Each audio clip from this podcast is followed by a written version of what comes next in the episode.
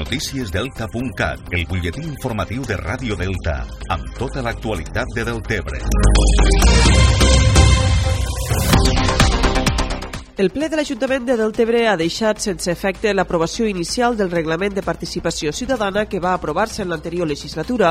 El document ha estat en exposició pública i després d'haver rebut més d'una vintena d'al·legacions, la majoria per part de la CUP, el govern de l'Airem Deltebre ha decidit deixar damunt la taula i repensar este document, ja que creuen que el resultat de tot el procés ha estat un document feixuc, difícil de comprendre per a la ciutadania i de difícil aplicació. Escoltem Andreu Curto, regidor de Participació Ciutadana. I quedava un document molt feixuc que es feia eh, pues una mica difícil d'aplicar, ja només, no només per a la ciutadania a l'hora del comprendre'l, sinó també per, a, per al govern no? a l'hora de, a de desenvolupar tot el que formulava aquest reglament.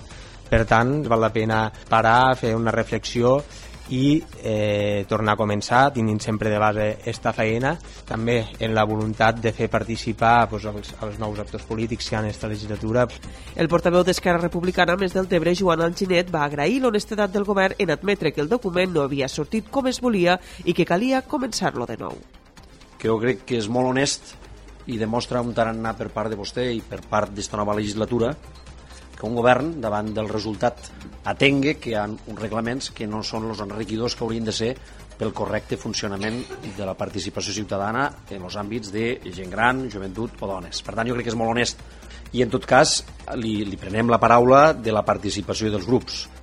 Malgrat deixar damunt la taula el reglament de participació ciutadana, el ple sí que va donar llum verda a l'annex 3 del document i que fa referència al reglament del Consell Municipal de Dones de Deltebre, que té com a objectiu treballar per implementar les mesures que preveu el Pla de Polítiques de Dones de Deltebre. Ana Jiménez és la regidora d'Igualtat i Gènere.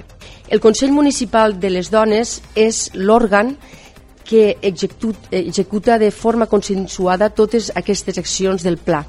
Tot això només en un objectiu clar i concís, que és promoure la presència de les dones a la societat en tots els àmbits, social, cultural, polític i també laboral.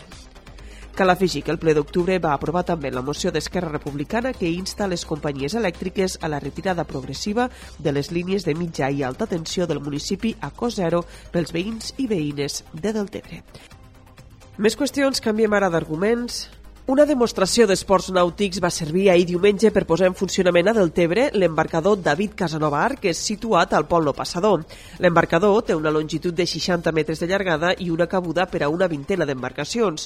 L'obra servirà per completar l'eix central del Delta, juntament amb el centre fluvial ubicat sota el Pol Passador i el parc fluvial del Delta, que s'adequarà properament. Les obres, amb un pressupost de 151.000 euros, han comptat amb una subvenció de 126.000 euros del grup d'acció d'acció local Mar de l'Ebre. Cal recordar que el nom de l'embarcador ret homenatge a David Casanova Arc, que és un jove del municipi que va perdre la vida el 20 d'agost de 2017 al riu Ebre i en el marc de les festes majors. Més qüestions, el tècnic de Deltebre, Rafa Flores, tornarà a formar part de la selecció espanyola d'atletisme i viatjarà amb l'equip al Campionat del món de curses de muntanya que es disputarà el proper 15 de novembre a la vila d'Angostura, a la Patagònia Argentina. Rafa Flores va debutar com a tècnic de la selecció espanyola de trail al Mundial de Portugal, que es va disputar al juny a la localitat portuguesa de Miranda do Corvo, on el combinat espanyol va aconseguir un botí de tres medalles. A l'Argentina, Flores Flores viatjarà amb un equip format per quatre dones i quatre homes. Entre ells destaquen Andreu Simón, del club La Cameta Coixa de Miravet, i Eli Gordon, una de les principals referents de les proves de muntanya, tant en el calendari nacional com internacional, i que està entrenada pel mateix Rafa Flores. Continuem amb la informació esportiva. La Cava ha tornat al capdamunt de la classificació del grup 1 de tercera catalana després de guanyar 3 a 1 al Santa Bàrbara en el partit disputat ahir diumenge al municipal del Camp Nou. La Cava torna així a estar empatat a punts amb el Remolins Vitem, que va perdre 1 a 0 a camp del Flix. Jornada més negativa per al Jesús i Maria, que va perdre 3 a 0 amb la Rapitenca B. Els partidalencs són ara 13 a la classificació amb 8 punts. I a la quarta catalana, jornada negativa també per al filial de la Cava, que va perdre 1 a 4 davant del Gandesa. Això és tot per ara, ja saben que poden trobar amb les notícies de Deltebre, com sempre, al portal deltacat.cat.